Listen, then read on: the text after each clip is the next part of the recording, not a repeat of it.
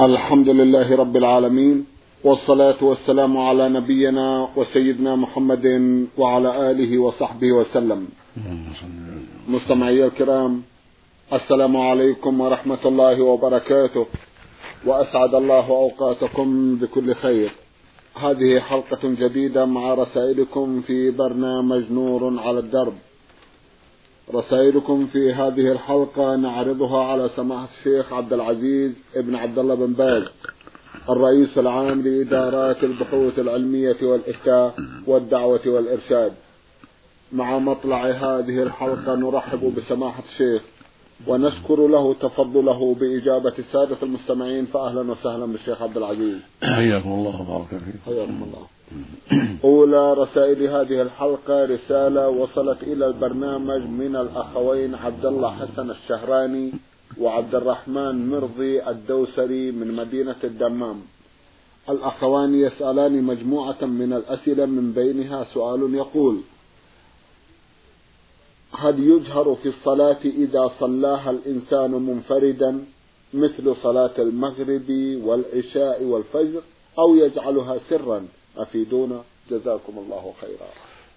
بسم الله الرحمن الرحيم. الحمد لله وصلى الله وسلم على رسول الله وعلى آله وأصحابه ومن اهتدى بهداه. أما بعد فالسنة في صلاة المغرب والعشاء والفجر الجهر سواء كان المصلي إماما أو منفردا.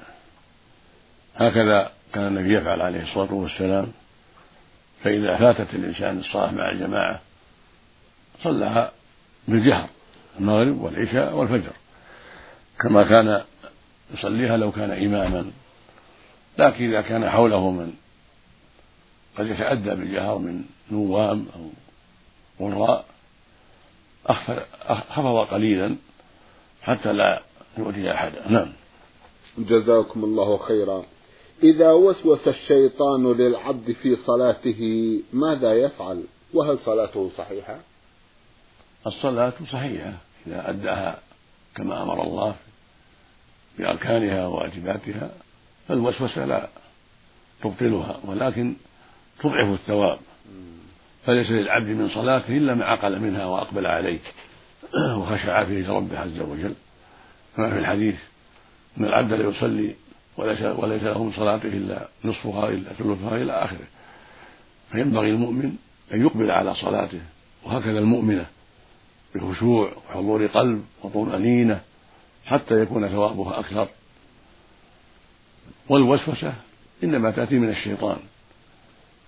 فإذا أحضر قلبه بين يدي الله واستحضر أنه قائم بين يديه وجاهد نفسه لله فإن الوساوس تقل بتوفيق الله. وإذا دعت الحاجة إلى التعوذ بالله من الشيطان لبقاء الوسوسة فإنه يستعيذ بالله من الشيطان. ينفث عن يساره ثلاث مرات ويتعوذ بالله من الشيطان الرجيم. بل قال عثمان بن أبي العاص الثقفي الصحابي الجليل رضي الله عنه للنبي صلى الله عليه وسلم يا رسول الله إن الشيطان قد لبس علي صلاتي فأمره يستعيذ بالله من الشيطان. في الصلاة إذا وقع له ذلك. ففعل فأذهب الله عنه تلك الوسوسة. فالمشروع للمؤمن والمؤمنة عند وجود هذه الوسوسة أن يستعيذ بالله من الشيطان وينفث عن يساره ولو في الصلاة ثلاثا ويستعيذ بالله من الشيطان الرجيم. فإن ذهبت الوسوسة بإقباله على الله وحضور قلبه بين يدي الله كفى ذلك والحمد لله. وإلا استعاذ بالله من الشيطان نافثا عن يساره يقول أعوذ بالله من الشيطان الرجيم. ثلاث مرات ويزول بإذن الله. نعم. جزاكم الله خيرا. الأخوان يطلبون من سماحتكم تفسير قول الحق تبارك وتعالى أعوذ بالله من الشيطان الرجيم. فويل للمصلين الذين هم عن صلاتهم ساهون الذين هم يراءون ويمنعون الماعون. الآية على ظاهرها والويل إشارة إلى شدة العذاب. والله سبحانه يتوعد المصلين الموصوفين بهذه الصفات التي ذكرها سبحانه وهي قوله عن صلاتهم ساهون الذين هم يراءون ويمنعون الماعون. ليس سهوهم عنها الترك فإن الترك كفر أكبر نسأل الله العافية. ولكنه نوع من التساهل كتأخيرها عن أدائها في الجماعة والتهاون في بعض مكملاتها. التي يجب أن تفعل ونحو ذلك مما يتعلق بالنقص فيها. هذا فيه الوعيد. أما إذا تركها عمدا هذا يكون كافرا كفرا أكبر. وإن لم يجحد وجوبها في أصح قولي العلماء لقول النبي صلى الله عليه وسلم العهد الذي بينه وبينهم الصلاة فمن تركها فقد كفر. خرجه الإمام أحمد وأهل السنن بإسناد صحيح. ولقوله عليه الصلاة والسلام بين الرجل وبين الكفر والشرك ترك الصلاة. خرجه من المسلم في صحيحه. فهذا هذه فهذان الحديثان وما جاء في معناهما حجة قائمة وبرهان ساطع في كفر تارك الصلاة نعوذ بالله. وإن لم يجحد وجوبها. لكن إذا تساهل فيها بأن تساهل في أدائها ولم يؤدها كما يجب أو تأخر عن أدائها في الجماعة هذا يعتبر من السهو عنها. أما السهو فيها فهذا ليس به شيء وليس فيه وعيد فقد سهى النبي صلى الله عليه وسلم وسهى المسلمون فالسهو يقع من المؤمن في الصلاة. كما بين النبي صلى الله عليه وسلم أحكامه ولكن المقصود السهو عنها وذلك بالتساهل والتهاون في أدائها كما أوجب الله. وأعظم من ذلك وأطهى وأدهى وأمر الرياء نسأل الله العافية. كعامل المنافقين. فإن المنافق كفره أشد من كفر الكافر. فإذا صلاها رياء لا عن إيمان بأنها فر عليه فإنه يكون كافرا وصلاته باطلة. فإن صلاها رياء نافلة بطلت أيضا. فالواجب أن يصلي المؤمن لله وحده. يريد وجهه الكريم ويريد الثواب عنده سبحانه وتعالى ولعلمه بأن الله فرض عليه الصلاة الصلوات الخمس. فيؤديها إخلاصا لله وطاعة لله وتعظيما له. وطلبا لمرضاته سبحانه وتعالى. ومن صفاتهم أنهم يمنعون الماعون. الماعون فسر بالزكاة وأنهم يمنعون الزكاة. لأن الزكاة قرينة الصلاة. كما قال سبحانه وما أمروا إلا ليعبدوا الله مخلصين له الدين حنفاء ويقيموا الصلاة ويؤتوا الزكاة. قال تعالى وأقيموا الصلاة وآتوا الزكاة واركعوا مع الراكعين. قال قوم آخر من أهل العلم إن إنه العارية.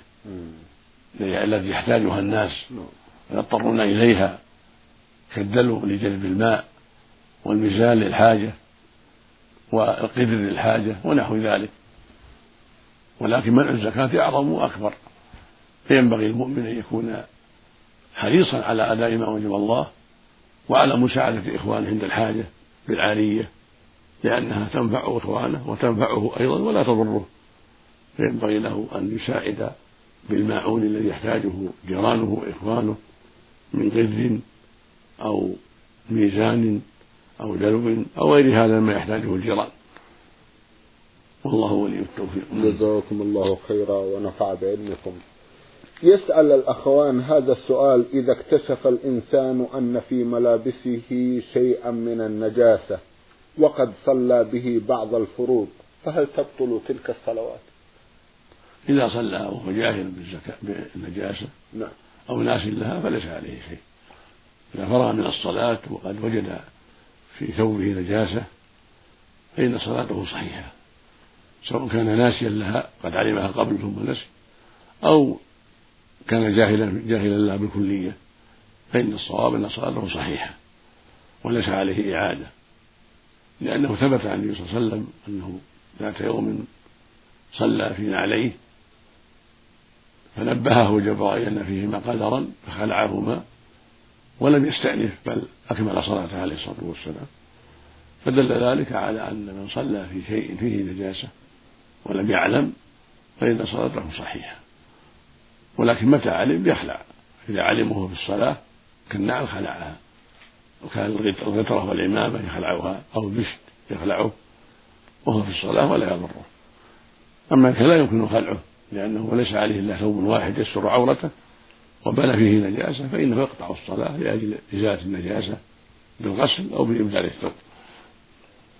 نعم. جزاكم الله خيرا. أخيرا هذا السؤال هل يصح الوضوء في الحمام؟ نعم لا حرج أن يتوضأ في الحمام الحمد لله. ويسمي في أول الوضوء ما يبدأ الوضوء بالتمضمضة والاستنشاق أو عند غسل الكفين ثلاثا بسم الله ويبدأ. لأن الكراهة التي ذكرها العلماء في كراهة ذكر الله في الحمام تزول عند الحاجة وهو محتاج إلى يسمي الله في أول وضوء وقد أوجب ذلك بعض أهل العلم. فحينئذ تزول الكراهة ويسمي الله عند بدء وضوءه. فإن تيسر أن يكون ذلك خارج الحمام فهذا أفضل وأكمل. نعم. جزاكم الله خيرا. من الزلفي هذه رسالة بعث بها أحد الإخوة من هناك هو المستمع ألف خاسين مدرسة تحفيظ القرآن الكريم. أخونا يقول إنني كثيرا ما أسمع أن قول صدق الله العظيم عند الانتهاء من قراءة القرآن الكريم بدعة. وقال لي بعض الناس إنها جائزة. واستدلوا بقوله تعالى قل صدق الله العظيم واتبع ملة إبراهيم حنيفا. وكذلك قال لي بعض المثقفين إن النبي صلى الله عليه وسلم إذا أراد أن يوقف القارئ قال حسبك ولا يقول صدق الله العظيم. وسؤالي هو هل قول صدق الله العظيم جائز عند الانتهاء من قراءة القرآن الكريم؟ أرجو أن تتفضلوا بالتفصيل في هذا. وفقكم الله وسدد خطاكم اعتياد الناس أن يأتوا بصدق الله العظيم بعد الفراغ من القراءة. شيء لا أصل له ولا ينبغي اعتياده. بل هو على قاعدة الشرعية من قبيل البدع. إذا اعتقد أحد أنه سنة فينبغي ترك ذلك وألا يعتاد ذلك. وأما الآية الكريمة وصدق الله فاتبعوا ملة إبراهيم ليس لها فليست في هذا الشأن. وإنما أمره الله أن يصد أن يبين لهم صدق الله فيما بين في كتبه العظيمة من التوراة وغيرها وأنه صادق فيما بين لعباده في التوراة والإنجيل. وسائر الكتب المنزلة كما أنه صادق سبحانه فيما بينه لعباده في كتابه العظيم القرآن. ولكن ليس هذا دليلا على أن أنه يستحب لأحد أن يقول ذلك بعد قراءة القرآن أو بعد قراءة آيات أو سورة.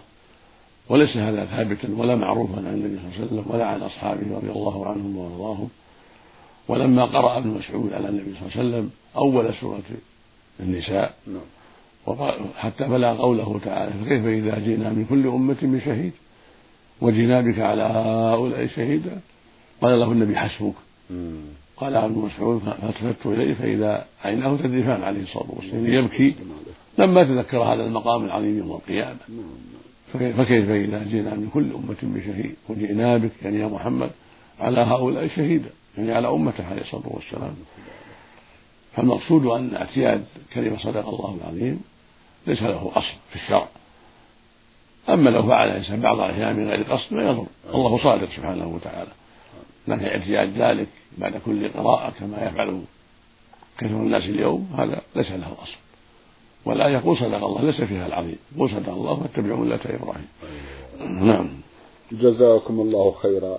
يسأل أخونا من الزلفي فيقول هل هل يجوز التذميم بقوله لأخيه بذمتك أو بصلاتك أو بقوله بحرج إن فعلت كذا؟ فمثل هذه العادات منتشرة عند النساء والأطفال. نرجو التوجيه. جزاكم الله خيرا. لا يجوز الحلف لا بالصلاة ولا بالذمة ولا بالحرج ولا بغير ذلك من المخلوقات. الحلف يكون بالله وحده فلا يقول بذمتي ما فعلت كذا ولا بذمة فلان ولا بحياتي ولا بصلاتي ولا يطال يقال قل بذمتي ولا قل بصلاتي ولا قل بزكاتي. كل هذا لا أصل له ولا يجوز لأن الصلاة فعل العباد والزكاة فعل العباد وأفعال العباد لا يحلف بها وإنما الحلف بالله وحده سبحانه وتعالى. يقول النبي عليه الصلاة والسلام من كان حالفا فليحلف بالله أو ليصمت. ويقول عليه الصلاة والسلام من حلف بشيء من الله فقد أشرك. خرجه الإمام محمد بإسناد صحيح عن عمر رضي الله عنه. وخرج أبو داود والترمذي بإسناد صحيح. عن ابن عمر رضي الله تعالى عنهما عن النبي عليه الصلاة والسلام أنه قال من حلف بغير الله فقد كفر أو أشرك وقال عليه الصلاة والسلام من حلف بالأمانة فليس منا. فالواجب على كل مؤمن ومؤمنة أن يحذر ذلك وألا يحلف إلا بالله وحده سبحانه وتعالى. وبالله ما فعلت كذا والله ما فعلت كذا إذا دعت الحاجة. والمشروع أن يحفظ يمينه ولا يحلف إلا عند الحاجة. قال تعالى واحفظوا أيمانكم. فإذا دعت الحاجة يحلف والله ما فعلت كذا إذا كان صادق. والله ما ذهبت إلى فلان. بالله ما فعلت كذا. تالله ما فعلت كذا. إذا كان صادق هذه يمين بالله سبحانه وتعالى. أما الحلف بغير ذلك بالأمانة أو بالنبي أو بالكعبة أو بحياة فلان أو شرف فلان أو صلاتي أو ذمتي فلا يجوز. أما إذا قال في ذمتي ليس بيمين هذا ليس بيمين في ذمتي. يعني هذا الشيء في ذمتي أمانة أو ما ما ما ما أخو فيه أو ما أشبه ذلك هذا ليس يمينا. أما إذا قال بذمتي أو في صلاتي أو بزكاتي أو حياتي حياتي أو حياة والدي هذا ما يجوز. هذا من الحلف بغير الله سبحانه وتعالى. نسأل الله لجميع الهداية. اللهم آمين. جزاكم الله خيرا. المستمع نون نون نون. بعث بعدد من الأسئلة. يسأل في أحد أسئلته عن الكيفية الصحيحة للأمر بالمعروف والنهي عن المنكر وما هي الحكمة المقصودة في مثل هذا المقام. هذا سؤال عظيم وجدير بالعناية. لأن الأمر بالمعروف أو النهي عن المنكر من أهم الواجبات ومن فرائض الإسلام. ولأن القيام بذلك من أهل العلم والإيمان والبصيرة من من أعظم الأسباب في صلاح المجتمع وسلامته من عقاب الله سبحانه واستقامته على الصراط المستقيم. ولهذا يقول سبحانه كنتم خير أمة أخرجت للناس تأمر بالمعروف وتنهون عن المنكر وتؤمنون بالله فجعلهم خير الأمة بسبب هذه الأعمال الطيبة وقال سبحانه ولتكن منكم أمة يدعون إلى الخير ويأمر بالمعروف وينهون عن المنكر أولئك هم المفلحون. وصفهم بالفلاح لهذا الأمر لهذا الأمر العظيم لدعوتهم إلى الخير وأمرهم بالمعروف ونهيهم عن المنكر. فجعلهم مفلحين في عملهم الطيب والفلاح هو الحصول على كل خير والحصول على أسباب السعادة. وقال عز وجل والمؤمنون والمؤمنات بعضهم أولياء بعض. يأمر بالمعروف وينهون عن المنكر. ويقيمون الصلاة ويؤتون الزكاة. ويطيعون الله ورسوله. أولئك سيرحمهم الله. إن الله عزيز حكيم. فوعدهم الرحمة على أعمالهم الطيبة التي منها الأمر بالمعروف والنهي عن المنكر. وهذا يدل على أن هذا هو الواجب على المؤمنين والمؤمنات. ليس خاصا بأحد دون أحد. بل هذا هو الواجب على المؤمنين والمؤمنات. وهو من صفاتهم العظيمة وأخلاقهم الكريمة. لكن يكون بالحكمة. نعم. يكون بالعلم لا بالجهل ولا بالعنف والشدة ولكن بالعلم. يأمر بالمعروف وينهى عن المنكر عن العلم وعن البصيرة بما أمر الله به وما نهى الله عنه. فالمعروف هو ما أمر الله به ورسوله. والمنكر هو ما نهى الله عنه ورسوله. فالواجب على الآمر الناهي يكون ذا بصيرة يكون على علم. سواء كان رجل أو امرأة لا بد يكون على علم. وإلا فليمسك. لا. حتى لا يأمر بالمنكر أو ينهى عن المعروف قال تعالى قل هذه سبيلي أدعو إلى الله على بصيرة يعني على علم. ويقول سبحانه ادع إلى سبيل ربك بالحكمه والموعظة الحسنة وجادلهم بالتي أحسن. والدعوة إلى الله من جنس الأمر بالمعروف والنهي عن المنكر نعم. لأنها بيان الحق نعم. وإظهاره للناس. فالآمر كذلك يدعو إلى الله. والناهي كذلك. إن الآمر إلا أن إلا أن الآمر والناهي قد يكون عنده من السلطة ما يردع المنكر ويلزم بالمعروف. والداعي إلى الله أوسع من ذلك. يبين للناس ويرشدهم إلى الحق. وقد وقد لا تكون عنده سلطة للإلزام. فالحاصل أن الواجب على الداعي إلى الله والأمر المعروف والنهي عن المنكر أن يكون على علم وأن يكون على بينة وعلى بصيرة حتى لا يأمر بما يخالف الشرع وحتى لا ينهى عما هو مخالف للشرع عما هو موافق للشرع. والواجب أيضا أن يكون برفق وعدم عنف وعدم كلمات بريئة بل يكون بكلام طيب وأسلوب حسن ورفق كما قال الله عز وجل فبما رحمة من الله لنت لهم.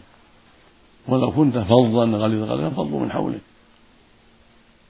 وقال سبحانه لموسى وهارون لما بعثهما إلى فرعون فقولا له قولا لينا لعله يتذكر أو يخشى. فالامر الناهي يرفق بالناس ويأمرهم بالألفاظ الحسنة وينهاهم بالألفاظ الحسنة حتى يكون ذلك أقرب إلى قبول أمره ونهيه والاستفادة من ذلك. إلا من ظلم وتعدى وأبى هذا له أسلوب آخر. التعنيف والتأديب إذا لم يلتزم بالأمر بالمعروف ولم ينتهي عن المنكر. أما في أول الأمر فإنه يخاطبهم بالتي أحسن ويرشدهم وينصحهم حتى يلتزموا الحق. فمن عاند وأبى فله. حال أخرى من جهة إجراء ما يستحق من تعنيف وتشديد وتأديب أو سجن أو غير ذلك. مما يقتضيه الشرع المطهر. الله المستعان. نعم. الله المستعان على كل حال. جزاكم الله خيرا. شيخ عبد العزيز يسأل أخونا أيضا عن الأوقات التي فيها ساعات الاستجابة. أوقات الإجابة عديدة. جاء في السنة بيانها.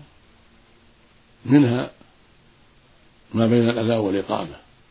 فقد قال عليه الصلاة والسلام الدعاء بين الأذان والإقامة لا يرد. ومنها جوف الليل وآخر الليل.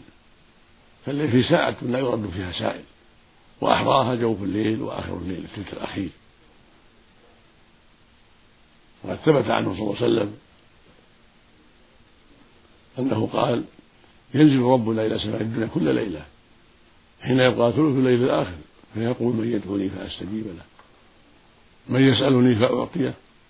من يستغفر فأغفر له. حتى ينفجر الفجر. فينبغي للمؤمن والمؤمن التحري هذه الأوقات والحرص على الدعوة الطيبة الجامعة في وسط الليل في آخر الليل في جميع ساعات الليل. لكن الثلث الأخير وجوف الليل أحرى بالإجابة. نعم. مع سؤال الله بأسمائه الحسنى وصفاته العلى أن يجيب الدعوة مع الإلحاح تكرار الدعاء والإلحاح في ذلك وحسن الظن بالله وعدم اليأس. بل يلح يرجو من ربه الإجابة ويكثر من توسله بأسمائه وصفاته سبحانه وتعالى. كذلك في السجود ترجى فيه الإجابة يقول عليه الصلاة والسلام أقرب ما يكون العبد من ربه هو ساجد فآخر الدعاء. ويقول صلى الله عليه وسلم أما الركوع فعظموا فيه رب وأما السجود فاجتهدوا في الدعاء. فقد يستجاب لكم بحري يستجاب لكم. رواه مسلم في صحيحه. وكذلك حين يجلس الإمام يوم الجمعة المنبر الخطبة فهو محل إجابة في صلاة الجمعة وقبل السلام منها. وهكذا آخر كل صلاة قبل السلام محل دعاء ترجع فيه الإجابة. لأن النبي صلى الله عليه وسلم لما علمهم التشهد قال ثم ليختم من الدعاء أعجبه له فيدعو. يعني في آخر الصلاة قبل أن يسلم. وهكذا آخر نهار الجمعة بعد العصر. إلى غروب الشمس. أيضا كذلك هو وقت إجابة فينبغي الإكثار من الدعاء بين صلاة العصر إلى غروب الشمس يوم الجمعة. وأن يكون جالسا ينتظر الصلاة لأن المنتظر في حكم المصلي. وقد صح عنه صلى الله عليه وسلم قال اللهم صل وسلم في في وجوه فيها ساعة. لا يرد فيها سائل. لا يرد فيها سائل وأشار إلى أنها قليلة. فيها لا يسأل الله وقائم يصلي. قال العلماء يعني ينتظر. ينتظر الصلاة فإن المنتظر له حكم المصلي. لأن وقت العصر ليس وقت صلاة. نعم. نعم. فالحاصل أن المنتظر لصلاة المغرب في حكم المصلي. فينبغي أن يكثر من الدعاء قبل غروب الشمس. إن كان في المسجد في المسجد وإن كانت امرأة أو مريض في بيته ينتظر الصلاة ويدعو. هذه الأوقات المذكورة كلها أوقات الإجابة ينبغي فيها تحري الدعاء والإكثار منه. مع الإخلاص لله والضراعة والانكسار بين يديه والافتقار بين يديه سبحانه وتعالى والإكثار من الثناء عليه. وأن يبدأ الدعاء بالحمد لله والصلاة على النبي صلى الله عليه وسلم. فإن البداء بالحمد لله والثناء عليه والصلاة على النبي صلى الله عليه وسلم من أسباب الإجابة. وفق الله جميع التوفيق والهداية. اللهم آمين. جزاكم الله خيرا. أخيرا يسأل الأخ عن الكتب التي تنصحون طلبة المتوسطة بقراءتها من كتب السنة. نوصي طلبة المرحلة المتوسطة بالعناية بمقرراتهم والإقبال عليها والحرص على الاستفادة منها لأنهم مشغولون بها ولينجحوا فيها أيضا ولأنها مفيدة. المقررات الدراسية فيما يتعلق بالتوحيد والعبادات مهمة ومفيدة.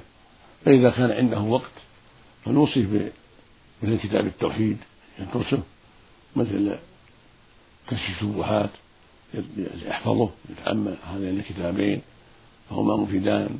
مثل الأربعين النووية يحفظها خمسين حديث اثنين وأربعين للنووي وثمانية للحافظ بن رجب. نعم. خمسون حديثا من جوامع الكلم يحفظها.